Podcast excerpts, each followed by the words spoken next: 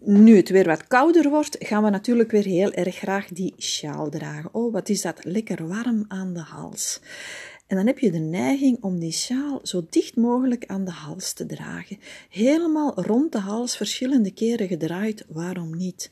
Maar bekijk jezelf dan eens in de spiegel. En kijk eens welke uitstraling je hebt. Als die sjaal zo verschillende keren rond je hals gedraaid is, heel dicht tegen die hals aanleunt, aanspant, dan geef je absoluut geen open indruk. Je geeft de indruk op jezelf te zijn en je staat niet open voor communicatie met anderen. Dus hoe koud het ook is, draag die sjaal wat verwijderd van je hals, zodanig dat er wat ruimte tussen de sjaal en je hals is. En zo krijg je een open indruk, een indruk die zegt: ik ga communicatie aan met anderen, met jou of met jou of met jou. En dat is veel, veel beter voor je uitstraling.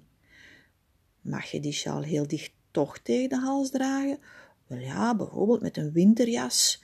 En je gaat fietsen en dan moet die sjaal natuurlijk dicht tegen de hals zijn, want anders krijg je het koud.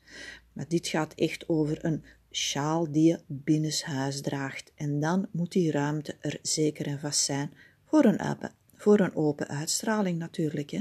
Zo, fijne dag nog.